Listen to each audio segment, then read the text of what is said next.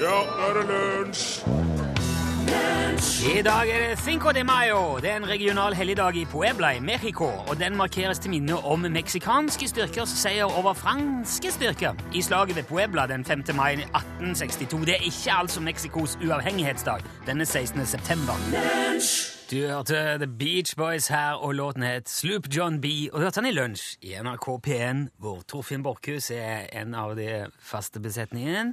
Rune Nilsson er den andre i den faste besetningen. Ja, det er en duo, som de ville sagt i uh, Sverige. Og det er, som jeg nevnte så vidt innledningsvis, den eh, 5. mai i uh, herrens år 2014, men det kan òg regnes som dag to i år 1 EP.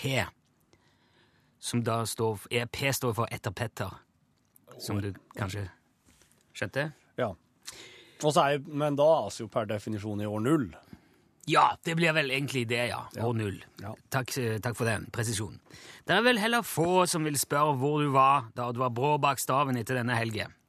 Nå blir det vel mer snakk om hvor du var da Petter tok Audien, tror jeg, framover. Og um, vi skal ikke drive, vi skal ikke velte oss veldig i det, men det er vanskelig å komme utom. Eh, vi skal ikke inn i det tivoliet med full kraft. Dette her betyr jo ikke så mye for den eh, jevne innbygger som det det betyr for media. Nei, ikke sant. Eh, altså, jeg mener at eh, hvis du kjører i fylla, så kan du egentlig bare ha det så godt. Han kommer nok til å ha det veldig mye mer eh, så godt enn veldig mange andre som har kjørt i fylla, men det får nå bli en sak mellom han og eh, omdømmeekspertene. For det er det som er det interessante med dette her. Og det er derfor det Altså, vi kan si på mange måter er jo slike hendelser helt nødvendige for å holde hjulene i gang. fordi at her i landet har vi jo en svær industri som er bygga opp rundt nettopp eh, ting som dette.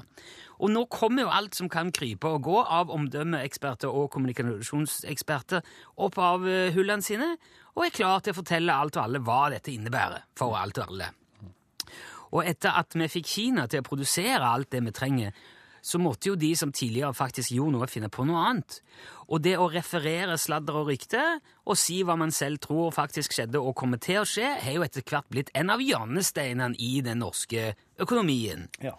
Uh, og jeg er jo såpass gammel at jeg ikke helt vet hvordan man blir omdømmeekspert, men jeg antar jo at man må ha tre år på omdømmelinja, eller kanskje studere på ryktefakultetet. Et eller annet. Jeg regner jo med at det er en beskytta og ordentlig gjennomført tittel, for det er jo veldig mange av de etter hvert. Og jeg har registrert at enkelte òg nå har stilt spørsmål ved omdømmeekspertenes eget omdømme i løpet av helga, og kanskje antyda at, at eh, ja, de er i ferd med å få litt sånn samme rykte som ambulansejagende advokater, hvis du skjønner? Altså at de er en gjeng utbyttere som profitterer på andres ulykker og, og ikke bidrar med noe annet enn å piske opp stemninger og, og, og ja, og, fyre opp under bål og bidra til mer spekulasjoner, men det syns jeg er veldig urettferdig. For det, noe av det beste med å bo i Norges rikeste land er jo nettopp at vi har folk til dette. At vi slipper å gjøre oss opp på egen mening når ting skjer, men kan stole på at noen har ja, godt betalt for å tenke ut hva det innebærer at en idrettsstjerne eller en politiker driter seg ut. Jeg har i hvert fall ikke tid til å gå rundt og spekulere på det, så jeg er veldig glad for at vi har profesjonelle sladderkonsulenter og rykteanalytikere som sørger for at det alltid er liv i bålet, og som gir oss vanlige folk de redskapene vi trenger for å kunne snakke om disse tingene i årevis etter at det skjedde. Jeg mener, hva skal vi ellers leve av når oljen tar slutt?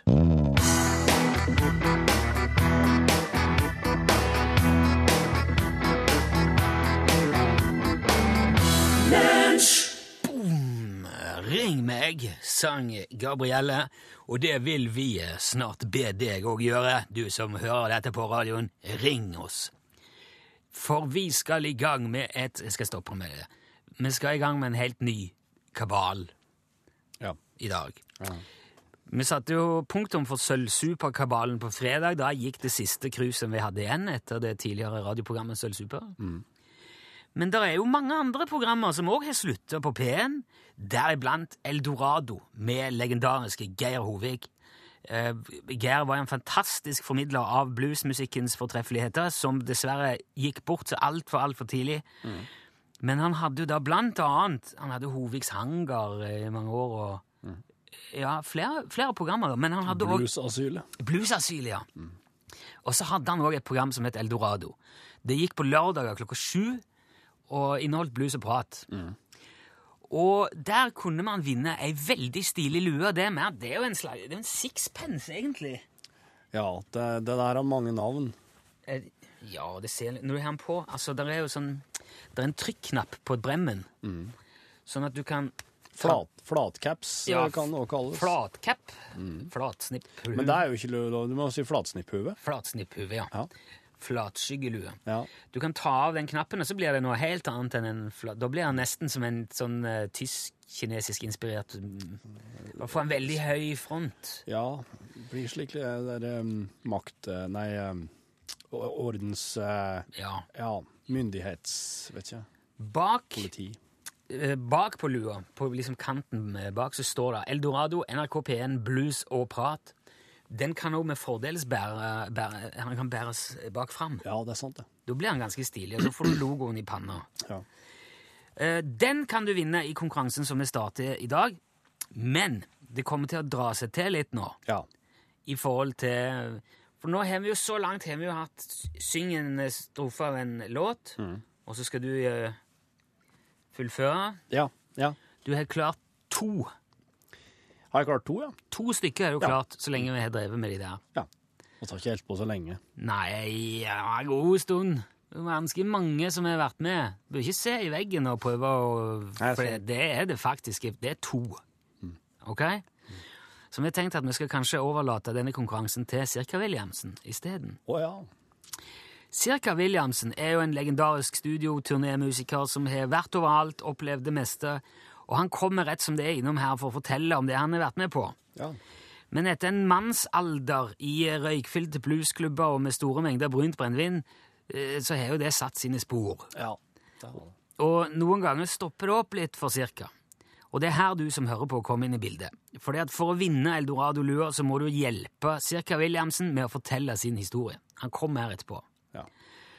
Du må gi han det ordet han mangler når han står fast. Så, og øh, ofte kan det Du må bare lage Nå, Nå banker Hallo! Å ja, hei! Der var Sirke Williamsen, ja. Hei, sånn. ja du er Salten. Ja, hei. Ja, jeg driver bare akkurat og forklarer. Vi Hans sønnen din gikk for å hente seg og koke sjokolade. Han gikk for å hente seg Ja, Torfinn gikk for å hente sjokolade, ja. Ja. det Jo, jeg driver bare og forklarer hvordan vi skal gjøre dette med konkurransen som vi snakket om Du husker vi snakket om det Ja, på fredag? Fortelle historier. Ja, fortelle historier. Ja. Du har jo uh, mye på hjertet, og det er jo, du har opplevd det meste, som jeg sa nettopp. Ja, så er jeg ramma av sånn alkoholdemens. Ja. Så at jeg iblant så blir Ola borte for meg. Ja, jeg skjønte. Ja. Jo, men nå, eh, vi skal få med oss folk uh, blant lytterne som skal hjelpe deg med å, å finne ordene, da. Ja, ja. Det er deg. Du er klar for, eh, du er klar for det? Ja, nå om dagen så driver jeg og spiller inn mitt eget soloalbum, så jeg har mye tid. Ja. du, er, du er god til ja. ja, det er jeg som styrer alt selv. Okay. Så jeg bare Du styrer framdriften òg sjøl, da. Ja, absolutt. Ja. Så da tar jeg mitt eget tempo. Hvis folk eh, ikke klarer å hjelpe deg med å eh, få fortalt historien, altså ikke klarer å levere det ordet du trenger fort nok, eller eh, ja, at, at de blir stående fast, så vinner de jo ikke noe lue. Men hvis de klarer det, så får de altså Eldorado-lua, en lunsjhilsen. Ja, ja, sånn er det. Ja, sånn er det. Ok, da er jo eh, du på plass eh, cirka. Det er veldig fint. Vi skal ja, spille litt, spille litt musikk, og så er vi tilbake med eh, historiens første Eldorado-kabal etter Imagine Dragons. Imagine Dragons, hørte du låten het? On top of the world. Ok, da er det på tide, vet du. Hjelp Cirka Williamsen med å fortelle en historie på radio. Og vinn en Eldorado-lue. Ja. Det er på tide med historiens første Eldorado-kabal. Fy fader, som jeg savner en Geir! Ja, det, du er ikke alene om det. Ja, det er sånn. Det var når jeg fikk den lua her i hånda, så var det akkurat som at han eh, satt der på fanget mitt og eh, sang shanties Ja. inni øret.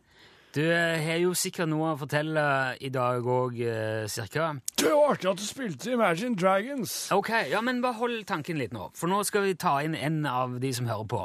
Eh, vedkommende, det du må gjøre for å være med og fortelle hjelpe cirka med historien, er å ringe 815 21 031. Jeg åpner den straks.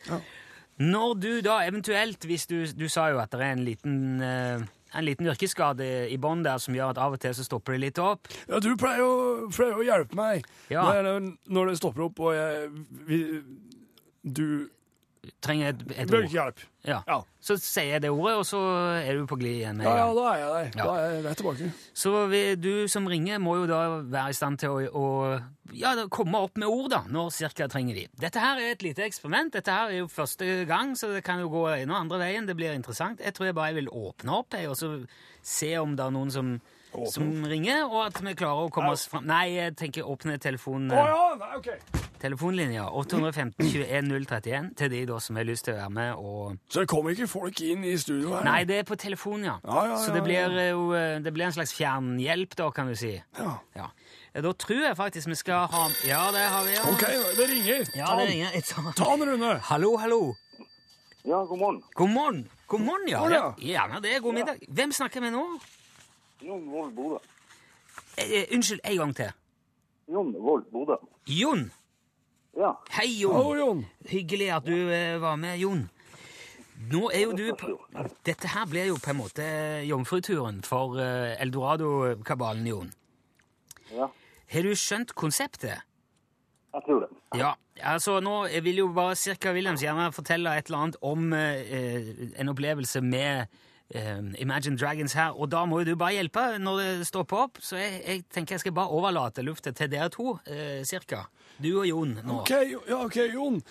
Eh, nei, men jeg skulle si at eh, jeg var på en sånn eh, Jeg var på eh, Norwegian Wood-festivalen, og der var en karikaturtegner som satt. Og han, eh, han satt og tegna han derre Eh, Geir Hovig. Geir Hovig, ja! Han satt og tegna han Geir. Og han, eh, han ble, det ble så Det stimla seg folk rundt overalt på alle kanter.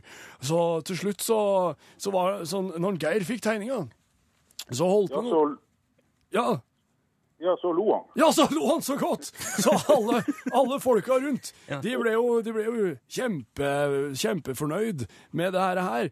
Eh, Men det han karikaturtegneren sa da, det var at eh, Nå var han ikke helt heldig med strekene. Nei, nei. Uh, Så det han hadde Han hadde sittet og sett på personen ved sida av og tegna en og slett. Ja, veldig bra. Jeg, jeg, jeg syns dere samarbeider veldig godt her, Jon. Ja, det var jo ikke så. Nei, det ble, en, det ble en fin historie. Ja, var- var, du, var du der, eller, Jon? Ja, var det? Ja, du Ja. var det, du det òg. var i hvert fall i, Der ser du. i hvert fall i ånden. Du, dette, her var, dette her var et veldig interessant eh, eksperiment, og det som i hvert fall er helt sikkert, Jon, er at du har sikra deg en Eldorado-lue, en sixpence, som er veldig stilig, og som enten kan være knall rosa eller svart. Tar en svart.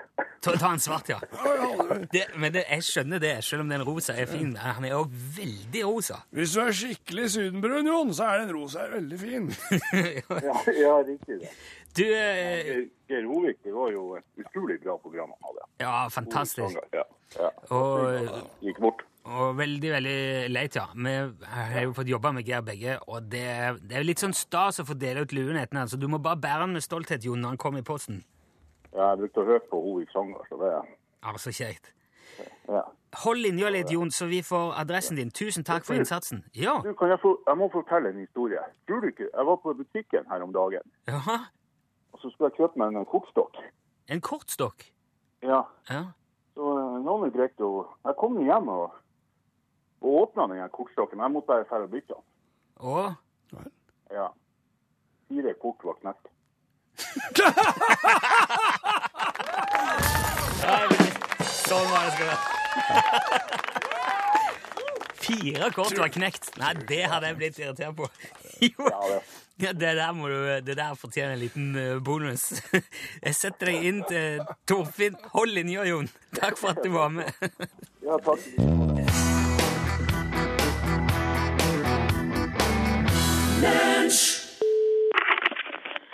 Utslagsnes Transport og Skar, vær så god. Eh, ja, snakker jeg med Ståle? Ja da, er du Nilsson? Ja, stemmer. Takk for sist. Ja, hei, hei, du. Hei, hvordan står det til på Utslagsnes? Du, det går veldig bra. Det går veldig bra, faktisk, nå. Så bra. Ja, visst det er bra, det er jo det jeg sier. Ja, du har ikke fått noen eh, russiske mafiabosser på døra siden sist? Nei, det der er helt, det er helt under kontroll. Det, det er ikke noe problem. Ja, jeg håper det. Vi satser på det. Ja, ja, vi har, har vi mot. Ja, men jeg tenkte at det har sikkert vært en del å ta tak i eh, for deg de siste ukene nå. Du har jo, du har jo vært borte en stund. Ja, ja, det er klart. vi- Det er jo mye å ta igjen. Ja. Det, det er jo det. Jeg satt jo nesten fire uker på den der eh, han, eh, varetekten der, så det, du vet det, det blir ikke gjort noe mye ut av det. Nei, nei, det skjønner jeg jo godt. Nei, men han Steve har jo holdt fortet her imens, altså. Ok, men det går det bedre med Steve da? Vi har knapt hørt noe om han etter den der hendelsen på eh, pestkvelden i fjor, hvor han ble tatt av vinden inni den der utstoppa kveita. Ja, du, det går veldig, veldig bra. Han Steve er jo en hardhaus. Han Ja. trengte bare å hvile seg litt, eh, men han er i full gang nå. Det er i, i eh, 12% stilling her og Ja, det er godt å høre. Ja, ja, så nå er vi i full gang med den nye skarvelinja og helt uh, nytt segment innen skarvehatter nå, altså. Å ja, ser du, har du fått godkjent skarvehatten av uh, Mattilsynet nå, endelig? Nei, men det, det er jo litt det vi driver med nå, eh, ser du. Ja, det har du jo drevet med, må jo være snart et år nå. Nei, ikke, ikke den her typen. Hva mener du med, hva en type? Ja, vi går ut nå med en helt ny type eh, skarvehatt som vil være mye enklere å få godkjent, ser du. Ja vel? Hva slags uh, skarvehatt er det? Ja, det blir altså en, en helt ny økologisk svanemerka eh, skarvhatt med nøkkelhull. Jaha. Ja, det, det er et helt nytt eh, nisjeprodukt nå for den miljøbevisste eh, skarvehattbrukeren som er opptatt av å være eh, opptatt av, av det. Men eh, altså, har, du begynt å foredle skarv helt på nytt, da? Men, med, Nei, nei, nei, selvfølgelig. Skarven har vi jo. Ja, ok, Så det, det er den samme skarven som du har hatt på lager hele, hele tida? Ja, det er klart. Jeg, jeg har jo flerfoldige tusen skarv på lager, så de er jo ferdig laska og transjert og posisjonert. Vi, vi, vi skal jo få unna den først. Jo, men, men du sa at du, eh, men, altså, at du skulle ut med økologisk skarv. Ja, det er jo genialt eh, når du tenker på det. Fordi folk er jo eh, kjempeopptatt av eh, at alt er økologisk nå, ikke sant? Jo, men du kan jo ikke bare kalle noe økologisk sånn plutselig? Må jo, da må det jo være økologisk òg? Ja, ja, men det er jo det det er. Altså, sk- Skarven er jo økologisk. Den er jo kjempeøkologisk, faktisk. Jeg, jeg, jeg, jeg har bare aldri tenkt over det, vet du. Uh, ja, hva mener du? Skarv er jo et rent naturprodukt. Det er jo ikke brukt noe kunstgjødsel eller sprøytemidler for å få den fram, ikke sant? Nei, selvfølgelig. Økologisk! Ja, ok. Men du sa han skulle bli svanemerka òg? Ja, ja, ja, ja. Svanemerka skarv? Yes, og vet du hva det betyr? Ja, altså, det er jo det svanemerket Hva er et slags miljøstempel, er det ikke det? Ja, det er det, og Ja. det betyr at et produkt må være så så miljøvennlig som mulig gjennom hele eh, kan vi si, produksjonen da, ifra, ifra øh, begynnelsen til slutt, ikke sant? Ja hva?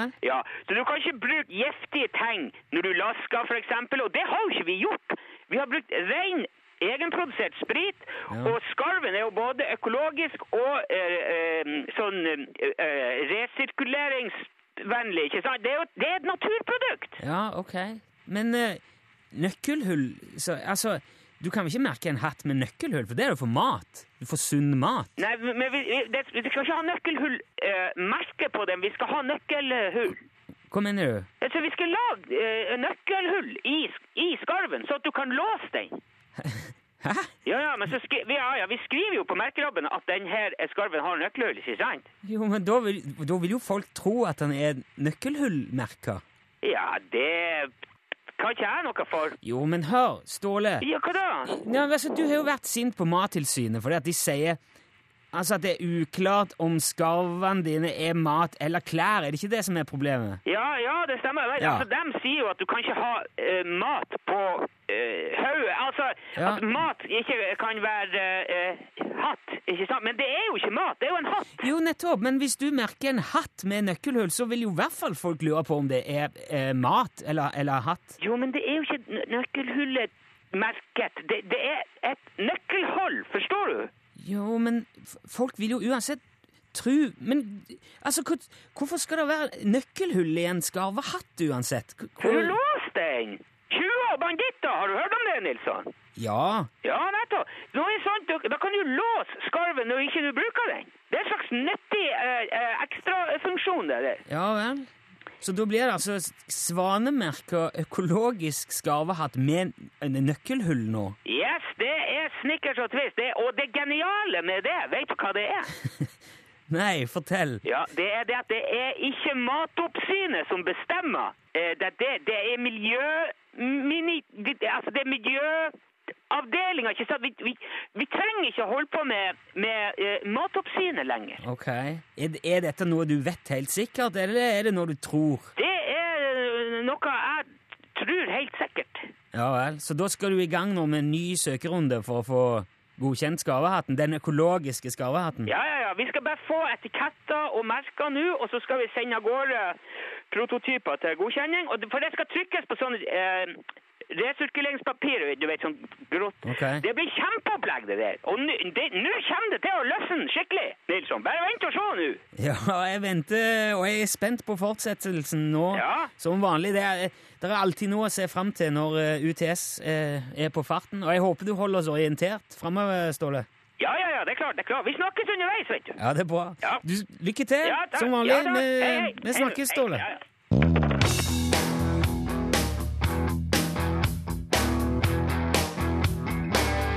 Der fikk du Kaja Gunnufsen, og låten het Faen ta.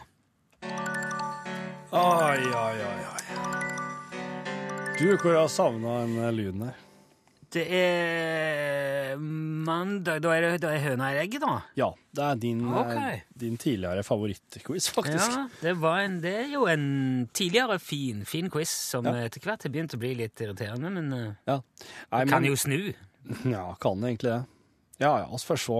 I dag så, i dag så begynner eh, eh, I dag så er det navn, det er personer det handler om. Ok. Ja. Men det er fortsatt eh, spørsmål om hva, hvem som kom først? Ja, det er, liksom, det er liksom hvem som er født først, da, på en måte.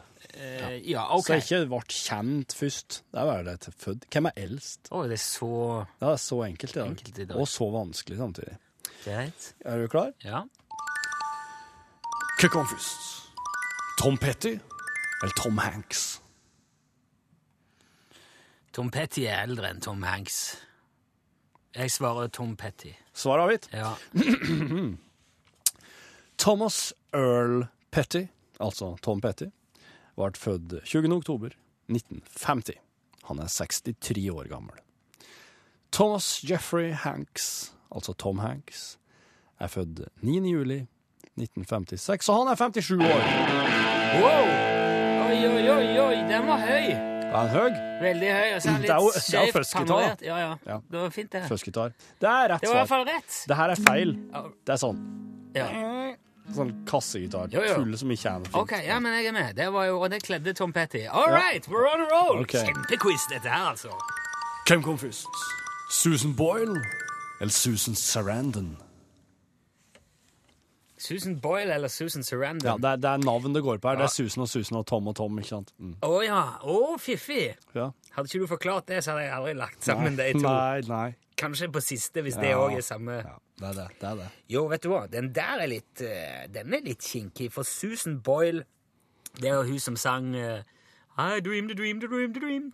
Ja, ja, Ifra- hun som plutselig ble sånn eh, sangstjerne. Susan Boyle-effekten og hele den. Talentkonkurranse i, i Storbritannia. Og hun ser jo på mange måter ut som hun er Ja Vel godt over 70, på et vis.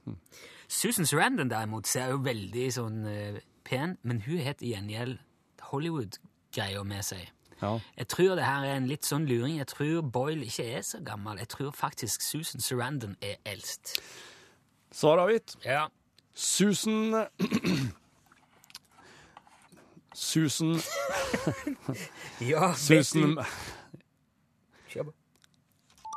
Susan Magdalena Boyle Nei, Magdalan.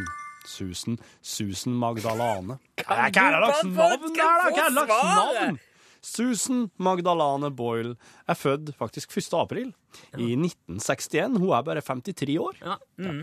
Og Susan Abigail Sarandon er født 4. oktober 1946. Hun er 67 år! To av to så langt. Vet du hva? Alltid likt denne quizen veldig godt. Syns det er en kjempequiz. Hvem kom først? Bill Gates eller Bill Murray? Bill Gates, Bill Murray. Oh, der tror jeg kanskje ikke det er så veldig stor forskjell. Dette her blir eh, Men nå er jeg altså to poeng. Ja, jeg har to poeng. Jeg, eh, jeg, vel, jeg sleiker på fingeren og setter den opp i det helt vindstille, lydtette studioet Mhm. og sier eh, Hvem var det Bill Gates og Bill Murray? Jeg sier at jeg tror Bill Murray er litt eldre enn Gates. William Henry Gates den tredje, altså Bill Gates, er født 28. oktober i 1955. Han er 58 år. 55, ja. William James Murray, altså Bill Murray, han er født 21. september 1950. Han er 63 år! Av tre. Nå er det Rett i låt. Rett i låt. Oh, for en quiz! For en quiz! Jeg, låt. får, jeg får ikke lov Nei, til det. vent, vent, vent, vent. OK. Nei, dette Det var dårlig. Det var dårlig. Jo, Rett i låt. Bobby Darin her. eh. Beyond the Sea.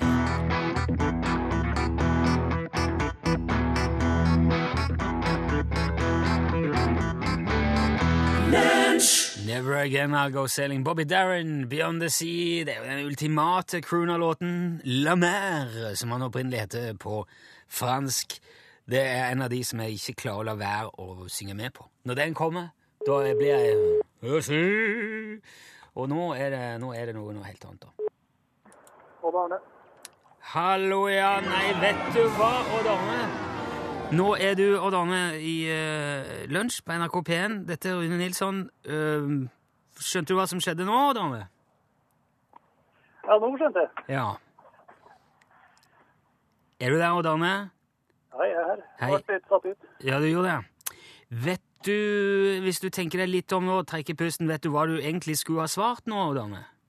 Ja da, jeg vet. Skal jeg takke Utslagsnes eh, et eller annet. Ja, Utslagsnes et eller annet hadde vært eh, eh, Det hadde vært nærmere enn hallo, men jeg skjønner at du var kanskje litt opptatt med noe annet? Ja, jeg var litt opptatt med noe annet. Ja. ja. Nei, det er jo Da er vi altså der at jeg kan du dessverre ikke sende skyggelua til deg, Odd Arne, til, til Oppdal. Nei, nei, jeg gjør med det. Nei, men du, du skal ikke gå tomhendt, det, det lover jeg. Du skal få en eh, overraskelse i eh, posten. Men som jeg pleier å si, da, så har det jo skjedd at, eh, at det har Folk har blitt ringt opp igjen, så bare ikke Jeg tror det kan være smart å si Utslagsnes Transport og Skarv, vær så god, hver gang noen ringer. Alltid. Hele veien. Ja, det spørs om innføre innfører den. ja. Så, og det, det gjør jo òg hverdagen ofte mye mer interessant. Ja, helt klart. Ja, Men tusen takk for at du var med, Odd Arne. Det kom en, en hilsen til, til deg eh, i, i posten fra oss. Du må ha en fortsatt god dag på, på Oppdal, Odd Arne.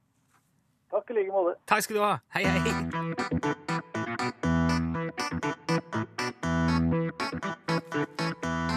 Det som skjedde nå, det skjedde òg på fredag i forrige uke. Husker du det? Ja.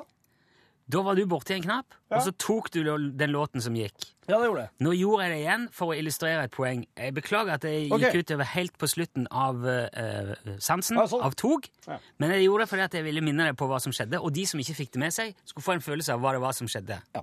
Fordi at når det skjedde, Mm. så var vår eh, faste lytter, vår venninne Katrine, på sykehus og skulle ta MR. Ja. For hun har ramla på sykkel. Ja. Så du måtte ta en sånn en, eh, MR for å få skanna og sett at eh, ting var sånn som det skulle. Ja, ja. Ligger, der må man ligge inne i en sånn en, eh, Det er jo en magnettomografisk røntgenmaskin. Ja. Der må du ligge helt stille. Det kan ta kanskje 10-12 minutter å skanne under alt det man skal gjøre. Mm. Da fikk eh, altså Katrine, mens hun var på dette MR-rommet, et eh, headset på seg, hodetelefoner, Ja. med litt musikk i. ja. Og lå der og tenkte nå skal jeg ligge helt stille. Eh, og, bare, og så var det en låt som gikk, og tenkte ikke noe på det. Nei. Og det liksom dunker og går litt på utsida av hodetelefonene. Og så plutselig så sluttet musikken. Ja. Helt ut av ingenting. Og så kommer en stemme plutselig og sier 'Trykte du på noe nå?' Og hun tenker jo 'Nei, jeg har ikke, nei, jeg har ikke gjort noen ting', tenker hun. Og da hun, hun fikk lunsj på øret mens hun lå i MR. Der du sier til meg 'Trykk du på noe ja. Og det er jo eh, rett og slett helt fantastisk. Men jeg syns òg det er på grensa til uansvarlig å sette altså lunsj i ørene på folk mens de ligger og, og får sånn MR-røntgen. Ja. Og jeg syns nesten er verdt Noen bør ha et lunsjmøte om dette nå i dag Ja. på diverse sykehus. Ja. Hva Er det formålstjenlig at folk hører lunsj Jeg glad mens de blir røntga? Ja, jeg er glad for det, men, eh, men ta, ta et lunsjmøte om det.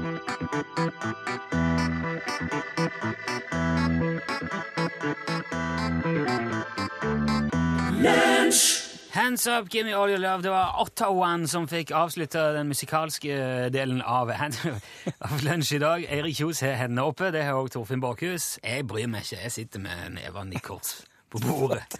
Ja, for nå er det norgesklasse sin tur. Nå, skal ikke jeg, eh, nå er vi ferdig.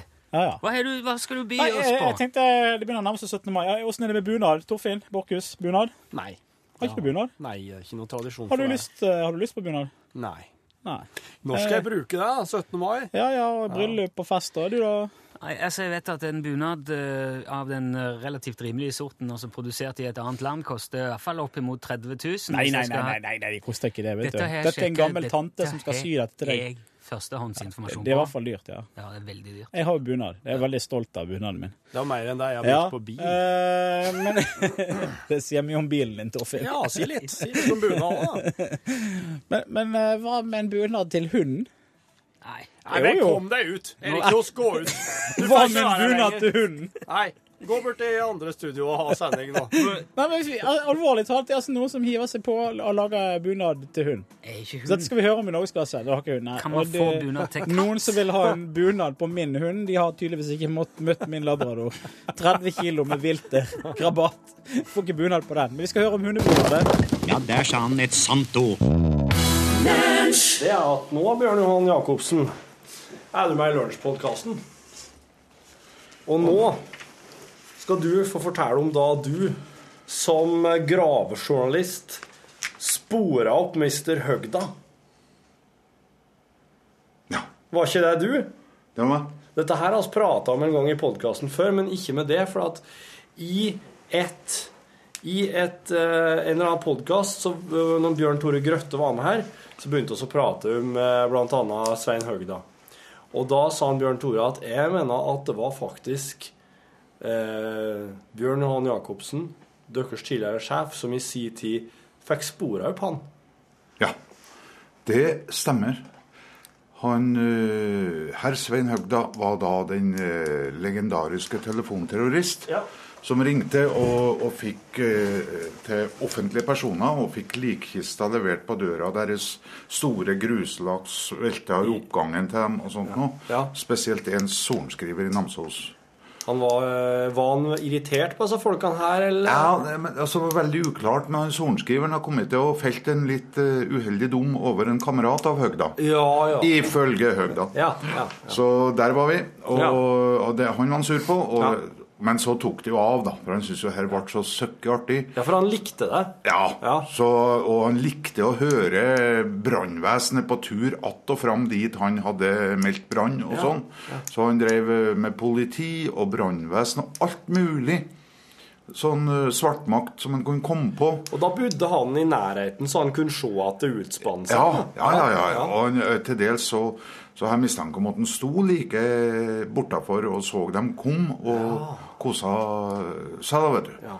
Og hadde det veldig artig. Og så de måtte jo de måtte jo ta affære, for det ble jo så alvorlig etter hvert at, Ja. eh, at eh, nødnumra fungerte jo nesten ikke. ikke sant? Nei. Og så ble den etterlyst på Dagsrevyen. En av de få eh, som har vært Oi. etterlyst på Dagsrevyen. Oi. eh, Med fulle pontifikalier ut ifra at de ville ha tak i den. Jaha. Og da var jeg på Kjeglekroa Ja. her i Trondheim. Og sannsynligvis tok en halv kopp kaffe. Og der traff jeg da noen som eh, hadde en anelse om at Jaha. han har vært sett på en eh, campingplass midt i tjukke København. Jaha. Og det var jo Ja vel. En campingplass i ja, København. Ja, der han eh, gjemte seg unna med, med en stor hund og en camping. Absalon campingplass. Og med disse ord og uh, en ganske en kilde som jeg hadde litt tru på, Ja. litt dubiøs affære, Ja. så gikk jeg opp på adressa og spurte om uh, de kunne sende meg til København Ja, med for du, fotograf. du jobba som nyhetsjournalist i Ja. Adressa på det tidspunktet. Ja, ja, ja. ja. ja, ja. Midt-Norges uh... Svar på Ja. eh, ja, Margit Sandemo. et Ja, eller annet ja. sånt. Eller sånn. I nyhetssjangeren. Ja. Men eh, i hvert fall, eh, jeg fikk meg en foto... Altså, adressa eh, var jo da De hadde trua på det. Ja, og nei, men de har, jo veggene fullt av penger òg. Ja. Så de sa jo ja, vil du absolutt til København og, og lete etter nåla i høystakken, så greit. Ja. Vi dro dit. Dro ned på en campingplass. Jeg glemmer det ikke, det var 30 varmegrader. Og Det her var i jul ja, det var midt på sommeren. Jul i hvert fall. Ja. Og du verdas, vi eh, gikk bort til skranken og meldte oss og sa vi skulle ha snakka med, med herr Høgda. Ja. Om han har sitt rede her. Ja. Og han hacka på plassen. Og, og vi for ned og fikk anvist som D28 eller noe sånt. Og, så vi grov oss fram mellom hekkene der og fant ei vogn der det har uh, vært hund inni, og det hadde jo han. Og det meste stemte. Men han var borte Ja. i sin uh, saftsupperosa Mercedes av særdeles eh, edel årgang. Kjørte han en rosa Mercedes? Ja, av eh, sånn skikkelig Av eh, Ja, Folkemuseet har nok ville ha lukta på den. Meldt seg på. Ja. Så han, det var, has, var det hans egen campingvogn, eller var det en campingplass der du legde deg inn Det var, i en det var, det var en leide seg inn med campingvogn. Med campingvogn, ja. ja. Men han, han var jo som uh, sokke i jorda. Så jeg begynte å tenke på at ok, nå har han eh, fått nyssen i at han er etterlyst, Ja. og så stikker han. Han stukket. Og stukket fra vogna og Ja. alt sammen. Sånn bare for ei stund, i hvert fall. Ja. Eh, men eh, da tøyde vi vår eh, tålmodighet med å sitte der og sitte der, jeg husker på, i steikvarmen. Omsider så kom han. Øh, og da gikk jeg fram. Øh, Jeg husker på Det var mitt store skop, skup, da, ja. den, øh, Ja. den sommeren. At før politiet hadde Ja. nyssen på den, så sto vi der og håndhelste på den. Ja. Men det var så varmt at jeg hadde tatt av meg på overkroppen. Og så hadde, og så hadde jeg én eh, flaske øl i handa for å holde varmen ned. Ja. Og jeg husker på Det eneste reaksjonen jeg fikk fra mitt hjem, det var min kristne mor som sa 'Ølflaska, Bjørn!' er det at jeg hadde naken overkropp i Dagsrevyen, for de kjørte bildet i Dagsrevyen. da. Det at jeg hadde naken overkropp og hadde gjort sommerens store skup, det ville jeg syntes min kristne mor var helt uinteressant. Men jeg hadde ei ølflaske i handa. Nei da, og så gjorde vi et intervju med han og prata med han. Ja, ble han ikke redd, da? Eller skeptisk? Nei, altså, eller, og nå skal jo sannheten sies. Jeg har jo litt uh, shady fortid òg, da. så- Så Altså, du fot-? Fotografen lå i, i buskene og fotograferte, og jeg bare gikk fram og, pra, og prata kjenning og sånt noe. Åh! Yes, og, og liksom spurte Jaså, er det du Høgda? Og liksom sånn Ja, det er den karen, ja. Ja, ja. og ja, har vi ringt noen siste, og sånn. og prata med han. Ja. Og, og så tenkte jeg Jeg må jo si fra til slutt at Mm. øh, dette er da Adresseavisa. Men øh, så tenkte jeg at hvis jeg gjør det, så forsvinner en jo som dugg for sol. Ja. Så øh, jeg bare ja, Det var ikke helt pent gjort, men jeg bare, jeg bare kjørte inn. Her er den. Hele første Adresseavisa. ja. Og Dagsrevyen snappa det opp. Og morgenen etter var jo selvfølgelig eh, det alltid årvåkne Trondheimspolitiet Ja. på plass Ja. og tok en rikstelefon til Danmark Ja. og sa fra at på plass D28 Ja.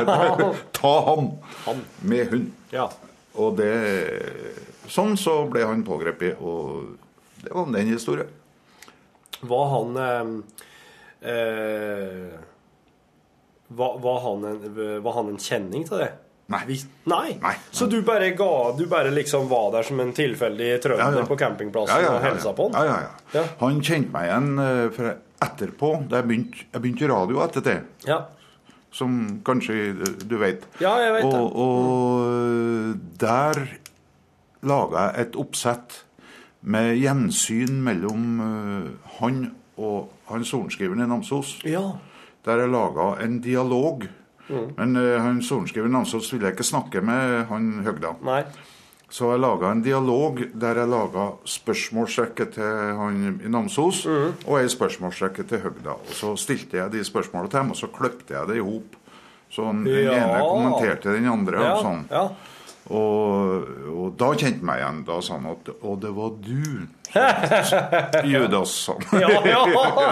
ja, for det er litt sånn Du var litt sånn Judasen da. For Ja, ja, ja. da kom jo Åge har nettopp puttet den her 'Å, var det du, Jesus?' Ja, ja, Men nå 'Å, var det du, Judas? Ja, den kan Høgda gi ut. Og, så det, og det er det siste du har hørt fra Svein Høgda? Eh, ja, nei, jeg var besøkte han i fengselet og gjorde det opptaket. Ja. Og, og jeg traff jo ingen angrende synder. Ja, Men åkte han inn lenge, han da? eller? ja, han eh, ble jo sittende i god stund, for han, det var jo veldig alvorlige ting, vet du. Ja. men mener, det å sette folk på dødsliste og, og Ja. som, sånn, sende likkister og sånn, det, det, det, er ikke, det er ikke nice greier, det her. Nei. nei. Og det har jo kosta veldig mye penger, for han har jo et skred av utrykninger i hælene hos seg. Og sånn. Så de burde han inn, og det var Det som var litt rart, det var jo det at sorenskriveren han, øh, han måtte ta pauser når jeg intervjua han, for han, han syntes det var så tungt å ta Ja. igjen det her og bare tenke på det. Ja, ja. Mens Høgda satt og, og liksom prøvde å ha håndbrekket på for ikke å le seg i hjel. Og, og fortsatt syntes han det var ganske morsomt. Ja, ja. Men eh, tilføyde at Men pent var det jo ikke, da. Nei. Men ja. En sånn voksen rampunge? Ja, det er skikkelig. Skikkelig. Ja. Nå, hva, er det nå? Han, eh, han eh, har eh, Han bor på Østlandet, i utkanten av Oslo en plass. Ja. Sist jeg visste om ham. Ja. Jeg prøvde å sjekke på han. det som trigga Høgda, Ja. det var rett og slett å se oppslagene. Altså det å få utrykningene, Ja. men å se oppslagene. Ja. Så når han havna i fengsel, og det ikke ble noe skrevet i avisene, og sånt nå, så klarte de antagelig med litt terapi og sånt å ta fra han det verste Ja. PR-opplegget. Ja. Sånn at uh, han har ikke Så vidt jeg kjenner, så har han ikke ringt noe annet enn eh, ligningsvesenet og bedt om redusert skatt. Eller noe. Det er ikke noe hos har ingen, det er ikke noe sånn Svein Høgda lenger. Det er ingen som har tid over uh, den Nei. der eh, Nei. Det er ikke noe Nei. du, Nummeret blir lagra når du ringer til noen. da. Men det er ganske rart, eh, vet du, Torfinn, fordi vi har jo en del uh, sånn forbrytelser som ikke regnes som så veldig alvorlig. Ja. Altså sånn, jeg mener Det er ikke dagen i dag for å nevne fyllkjøring, men, men hjemmebrenning, Ja. Eh, snitt på skatten, Ja. tjuvfiske, krypskjøting Ja. sånn. Det er litt sånn husflid, Ja, på en måte. Eller attåtnæring. ja, det sånn. kan en si. Ja. Men, eh, men eh, det med telefonterror, han drev det til et nytt nivå. For Ja. narretelefoner er jo gitt ut i massevis på plate. Rolf Wesenlund drev jo med det her, og flere har drevet med det her og, og gjort stor humor og mange tusen kroner på det. Men, eh, men eh, alle Det kommer til et strek der likkistene begynner å bli strødd fram med dørene til folk og sånn. Ja. Jeg tror han kunne ha vært inspirert av Rolf Wesenlund og den slags eh, sånn radiohumor-telefontull. Ja, kan hende, men eh, som sagt, han drev det litt lenger. da. Har du hørt om disse her som drev og lurte banker? Nei. Det er en eh, Solveig Johnsen som har fortalt om disse her. Jaha. Banksvindlere som drev på før i tida, på den tida da du heller ikke så nummeret som ringte, og det heller ikke ble lagra sånn Du så ikke i displayet, men De opererte jo med sånn her eh, når, du var- når du var i en sparebank før, så fikk du et sånn plastkort Ja. der det sto navnet ditt og kontonummer og, og slags bank det var du hadde. Altså fødselsår, slags bank du var kunde i. Og det var jo laminert. Og, så, og nummeret til banken da, du var kunde i. Slik at de, de fant seg jo et gammelt eh, Enten så var det en eh, gammel bank, eller så var det et gammelt slags forsamlingshus eller et eller annet som de, som de fant der telefonen fortsatt var operativ.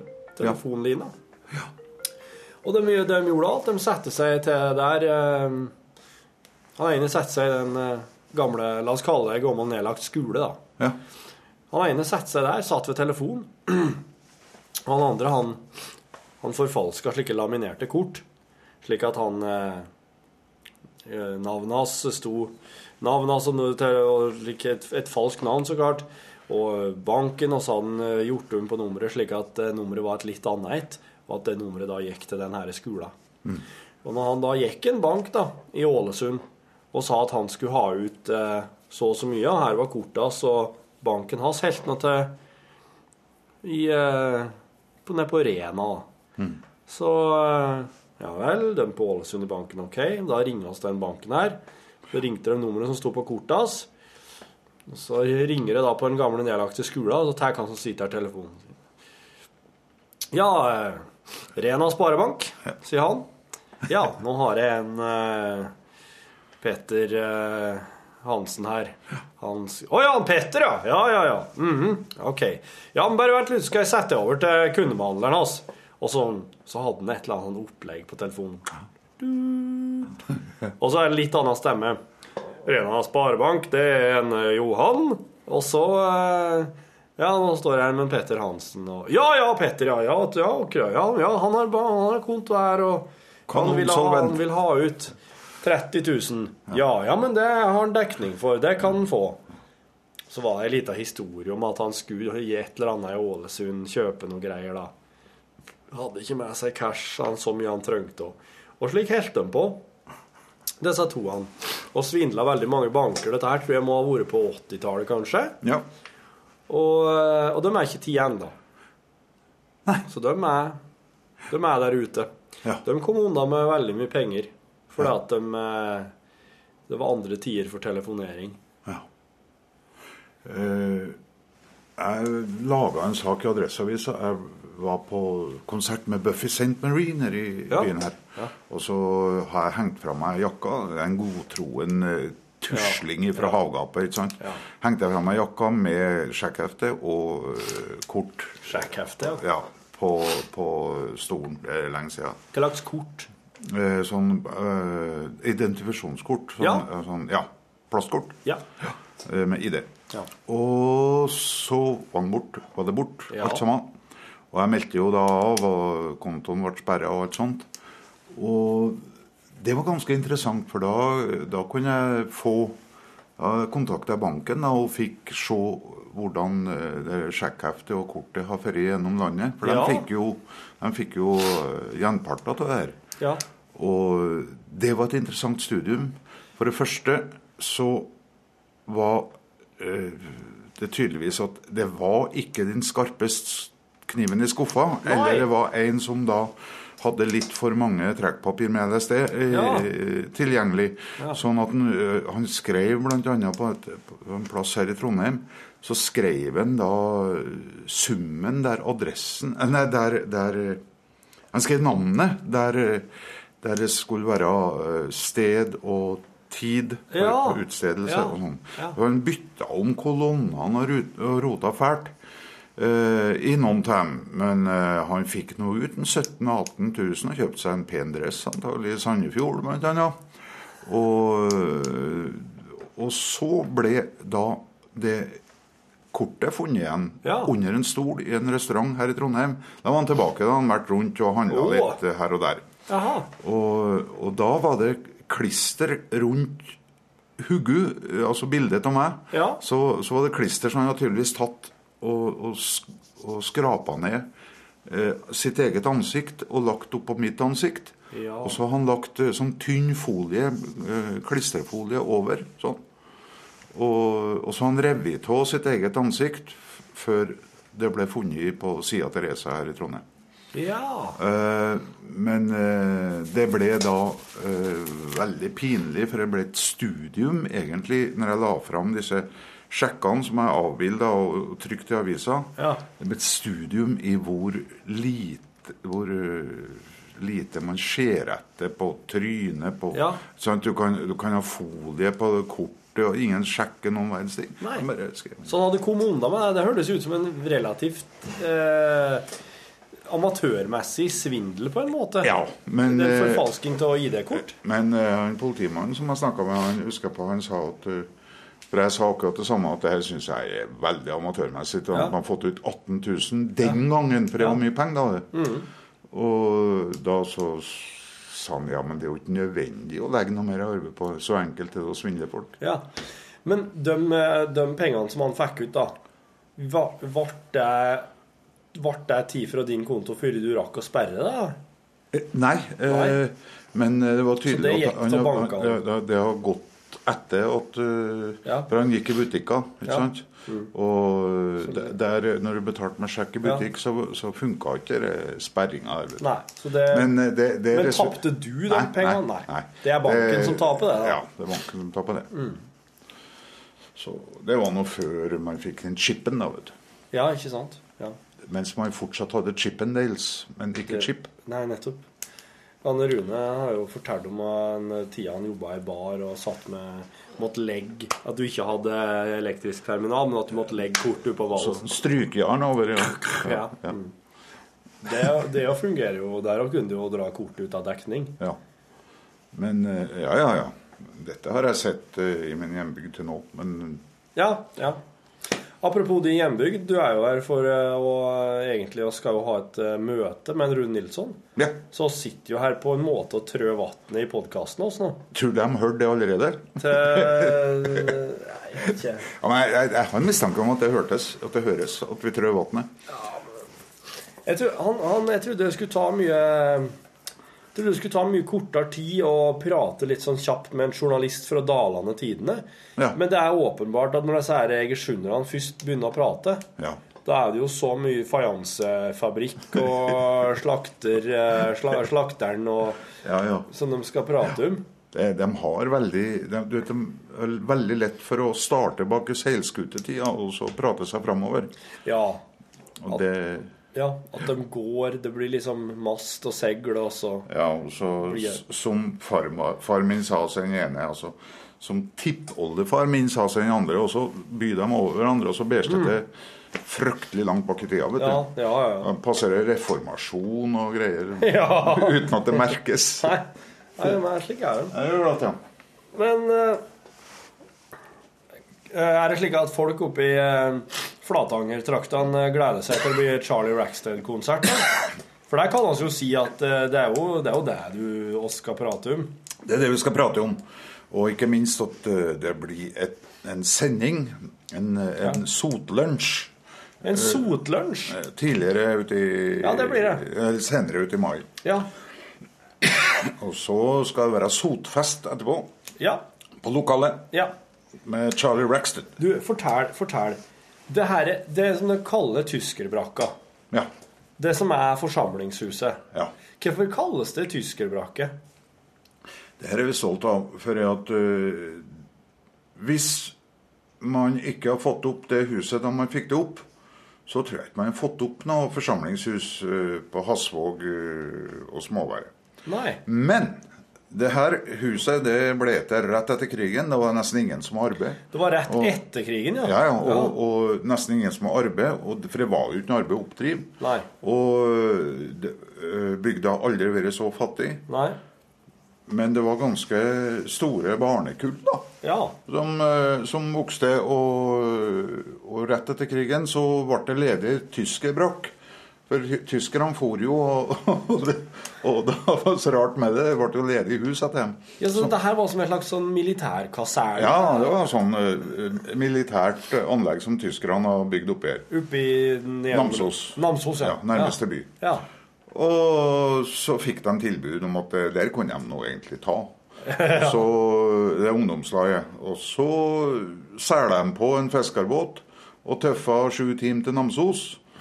Og lasta opp det tyske br- brakka i sikkert flere, flere turer fram og tilbake. Sju timer fram og tilbake. Ja. Sånn hver vei.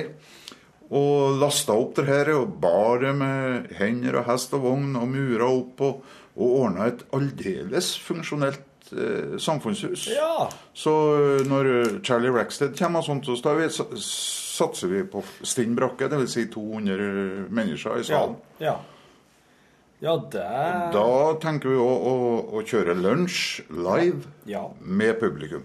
Ja. Fra Hasvåg fritid. Eh, Has, nei, Hasvåg eh, Det heter vel Fjellheim. Fjellheim. Ja. Ja, OK. Tyskerbrakka heter Fjellheim. ja. Vi, Fjellheim heter jo ja, ja. forsamlingshuset der jeg kommer ifra. Ja, men det, det, det, er, det er sånn Jeg tror Etter krigen så tror jeg det ble sendt ut sånn, sånn øh, øh, forskjellige Ja. navn som du kan bruke Ja. på aldersheima og Fjellsyn, ja, og, Fjellheim. og, og kveldsro, aldersheima, Ja. og, og solgløtt og kveldssol og sånn. Og så var det festlokalene. Det var da sånn øh, Fjallom Ja. og, Fjellheim og Jallarpigg. Ja. Jallarpiggen. Ja. Ja, nei. Det blir, det blir ikke tamme fester på Jallarpiggen. ja. Det blir ikke det. Nei da. det. Eh, nei, jeg, jeg tror det var standardiserte og ryddige forhold. Ja, OK. Men Fjellheim, ja. Fint. Da vet jeg jo eh, da, Det blir lett å huske for meg. Det som er fantastisk med huset nå Jeg kjørte forbi der i går da, flere ganger. Ja. Eh, det Eller nå, vet du, så er jo bygda så sveisa sammen etter Ja. at det brant, Ja. at uh, folk uh, samles på det forsamlingshuset og spiser middag i lag lørdag og søndag. Oi, er det sant? Det er det ingen som vet om. Nesten. Bortsett fra ja, da. Det, jeg var der i går og åt sådd og drakk kaffe og Ja. sånt noe for 100 kroner. That's it. Er det, er det liksom huskomiteen da, som ordner Ja, det er huskomiteen som ordner det, Ja. greiene. Det er liksom grendalag og Ja. forskjellig sånn. Og det som er fantastisk, det er det at det huset, eller sponreiret vil jeg kalle det, for det er jo, det er jo ikke Ja, nei, det er tyskerbrakk. Kjært barn har Fra mange navn. Ja. Sponreire. Ja, det, det står der, altså med, eh, på, på den ene sida så er det så svartbrent. Det fins ikke antydning til liv. Nei. Helt innåt veggen. Kliss. Jaha. Og så er det 20 cm mur da, som Ja. innåt der er brunnet. ja. Så da har, eh, har, det- har det, har ikke vært noen høye flammer? Da, skjønner jeg. Det er bare Jo, brunnet nei, jo, nei, men det, det, det, det blåste så voldsomt som Ja. la flammene utover. Sånn. Ja. Det, det er helt fantastisk. Og så en fireseter utedass fra gammelt av. På, på rekke og rad? Ja, det er sånn, det er sånn ja, men det her Skal jeg bli nødt til å forklare det her? Vi har, du har sett en bil, ikke sant? Jeg har sett en bil, ja. Ja. ja. Men, det, det, det, men hvis du tar en fireseter bil og så setter setene ved siden av hverandre, Ja. så kan du sette fire, fire stykker bortover. Ja. Og så tar du en utedass, ja. og så lager du fire hull, og så setter du på en forsiktig eh, sånn skillevegg mellom hvert hull. Å ja, det er skilleveggen gjør det. Sånn at det, det går dører inn, da. Ja. Men eh, det er ikke mer isolert enn at du hører at de plystrer falskt, han som er glad ved siden av. Nei, nei, nei. Nettopp. Du, jeg blir det ikke grønt igjen der nå? da? Jeg blir På, på blir det ikke grønt igjen nå våres? Tar det en stund Eh, før det Da brunner det så hardt at det ikke blir grønt, liksom? Det sies at det skal bli grønnere enn noen gang, Ja. men det er lite å se til det akkurat nå, da. ja. Mm. Eh, altså Trærne, de lauver og sånt nå. Ja. Men, eh, men hvordan det går, det, det vet vi liksom ikke ennå. Det, det er jo ganske trist. Men det er ganske rart, for eh, bygda er, er mer nedrent av turisme enn noen gang. Å, det er det, ja. Asketurister. Asketuristene, vet du. De uh, fyker rundt. Det, det sitter jo folk og drikker kaffe og ser på elendigheten vår uh, Ja. hele helga hvis det er godt vær. Da slår de det sammen med havblikk og, og, og sotfest og greier. Ja. Sånn sitter de og kikker. Ja, nei, det er altså En ting er jo eh, egen lykke, men eh, du skal ikke forakte andres elendighet heller. Nei da. Og så er det liksom Jaså, ja, hører vi liksom sånn. Ja, det, så det har brunnet her òg, ja. Ja, ja. Ja, men Litt gledelig overraska, liksom. Ja. eh, det her må vi jo leve med. Ja. Men eh, eh, det er også sånn at uh, det er som fritidsbedrifter. uh, og det kommer fortsatt. De har jo sendt ut da Hasvåg Fritid eh, melding til, til folk i Praha. De har veldig mye kunder i Tyskland og Tsjekkia Ja, og ja. sånn. Så Sånne så fisketurister. Ja. Og de er interessert i bare én ting, og det er å fiske. Han Tommy og Någa har vært her i podkasten og fortalt om det der, vet du. Ja, akkurat. Ja. Og så sendte meg ut melding da, om at nå ser det svart ut, men, men huset dere skal bo, står. Ja. Og båtene er der. Ja. Og dem, eh, det er ikke én som har meldt avbud. De kommer alle sammen. Ja, ja. Selv om det ser litt svart ut, for å si Det det kan jo, men da er det kanskje nå det er viktigere enn noen gang å stille. Ja, ja. ja, ja. Klart det. Men du, eh, eh, heimgarden din brann. Ja. Så du har mista Fire hus. Fire hus.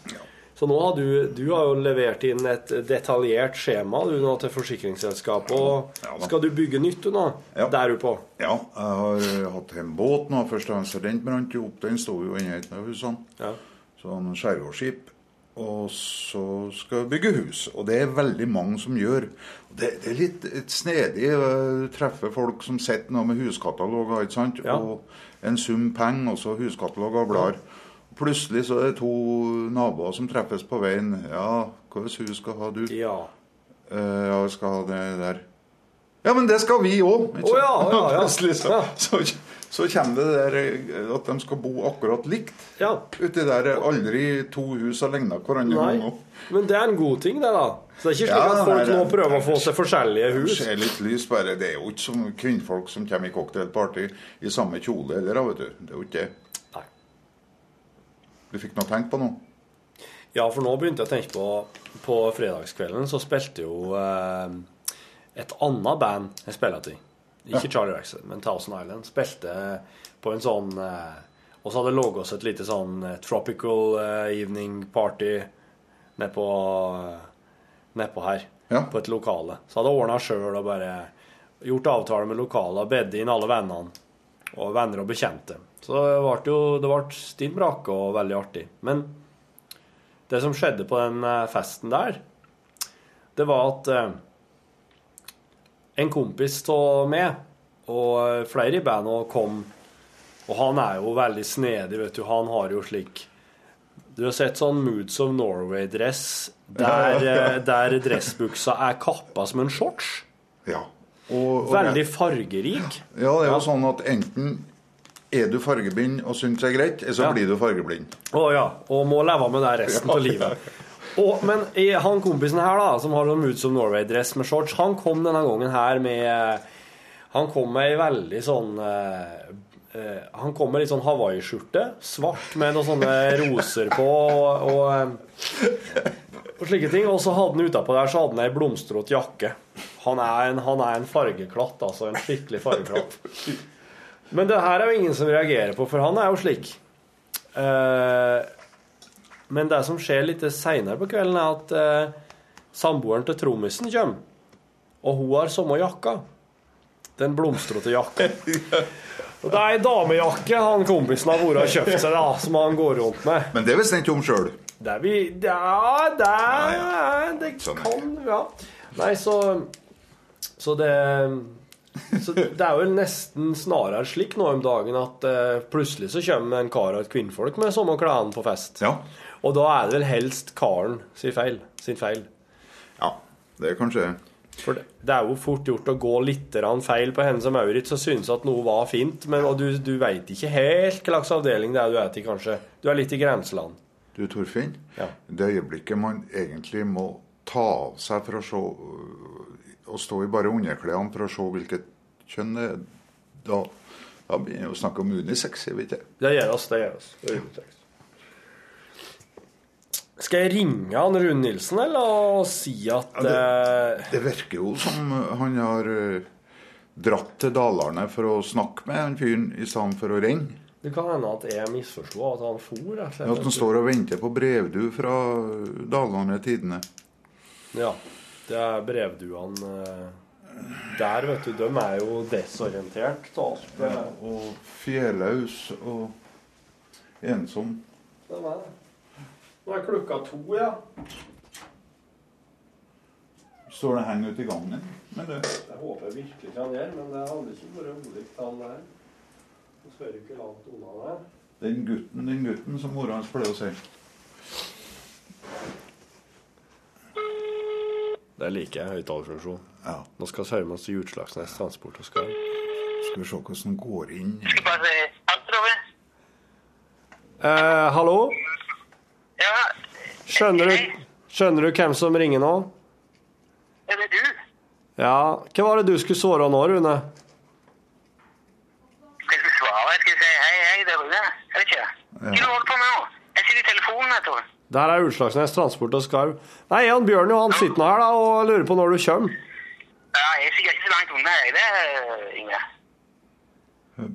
Jeg, nei, jeg tror vi, ja, vi, snakkes her. Jeg kommer et øyeblikk, jeg tror. Ok. Det var veldig dårlig unnskyldning. Ja, Altså. det var veldig dårlig unnskyldning. Han har vel ikke noe bedre for han, ja. Nei, hva som opptar det annet enn uh, husbygging, da, Bjørn Johan Jacobsen? Nei, hva som opptar, og hva som opptar. Eh, Du savner ikke de gamle dagene som gravejournalist i Adresseavisa? nei, ja Nei, det var, hadde jo sine sider, det jo. Jeg har færre venner en gang. Da Ja. kunne du ikke være venner med noen. Nei. Nei, du måtte liksom eh, Du være forberedt på å støte fra deg alt som var. Ja. Uhildet fra Ja. egen familie og alt sånt. Ja, ja. Ja, ja, ja, ja. Men uh... Og minst mulig kontakt med ungene for ikke å bli inhabil. Ja. ja. Det var nesten på det hakket der. ja. Hva er det råeste journalistoppdraget du har vært ute på noen gang? da? Har du vært på i krigen? Uff, nei, ja det, har vært i, i Libanon. På, ja, Var du der? Krigen og krigen. Men det, det var jo De gikk jo inn i krigen, FN-soldatene. Ja. Ja, det var På 70-tallet? Ja. Men det mest eh, Det mest spennende, det var å følge eh, Å følge eh, opprøret i Polen på 80-tallet. Hva i alle dager var det nå? Nei, det der de løsreiv seg da Solidaritet kom, og man løsreiv seg fra kommunistblokka på en måte. Oh, Da var jeg flere ganger og, for Adresseavisa. Og da ble det sånn at for å holde journalister ut, så oppretta jeg tror det var et halvt års ventetid på visum. Sånn, sånn at du, hvis det skjedde noen ting, så kom du ikke for en stund etter at Nei. smellen har lagt seg, for å si det sånn. Nei.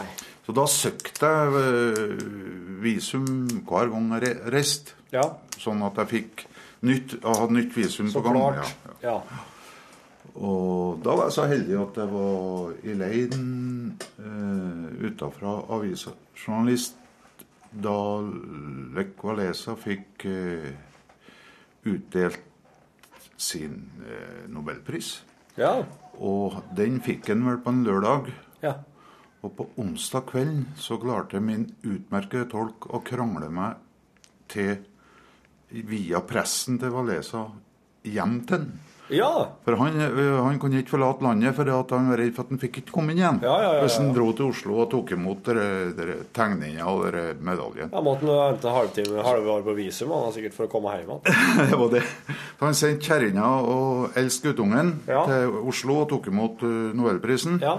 Og sjøl satt han hjemme og anførsel passa resten til ungene. Han Ja. skulle med unger. Han var jo Ja, sjarmerende. Ja, det kan man si. Og katolikk, så han, øh, og, Ja. så han brukte ikke noe øh, Han kjørte ikke med håndbrekket på, for å si det sånn. Nei, nei. Og da satt jeg der med, med en, pa, en unge på hvert kne i flanellspysj. Og intervjua Lech Walesa på et tidspunkt da ingen fikk snakka med ham. Hjemme hos han sjøl og drakk te. Det var artig. Rock'n'roll-statsministeren. Det var, det var litt uh, morsomt, for eh, det portrettintervjuet jeg laga med han da, eller det, det lange intervjuet helsides jeg laga med han da, det ble, kom også ble filma i Dagsrevyen. Så to ganger har jeg opplevd det. Det er dømt to ganger, da. Ja. Ja. Så, det, nå syns jeg vi har fått med Ja. veldig mye. Han Det var Bjørn eh, ble invitert ned hit litt tidlig til meg for å prate om eh, når han eh, fant Svein Høgda. Ja. Ja. Så han har fortalt om det her nå. Ja, det har vært veldig Er du ordning her, eller er du på. Ja. Og så ble det så lenge til du kom at nå vet vi egentlig ikke helt hva vi har prata om alt mulig. Det er sånn jeg det hver dag. Ja. Etter vi gjør dette. Jeg måtte snakke litt med lokalavisen, for jeg skal ha eh, Litt. Litt, ja. En time. Det her er jo et lørdagsbidrag. Vi har Jeg snakket med Ingve, det ble jo litt Ja, det er vi prata om at det blir mye sånn fajansefabrikk og Ja, ja, ja. slike ting. Når dere ikke skjønner Jeg skal ha 17. mai-tallet hjemme i år, så. Ja vel. OK. Så Jeg da tror skal vi ha sånn Jeg kommer meg sånn 'Gratulerer med dagen', og så går du. Hvor du tar fart hen da? Begynner du på Wergeland, eller går du lenger tilbake? Det blir vanskelig å komme utenom falsen i år, da. Og hele den der pakken. Ja. Sveisen og falsen. Ja.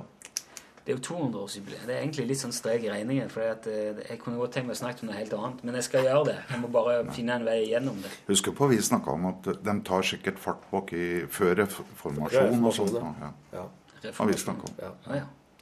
Det Falsen, hva er han, var han fra Egersund?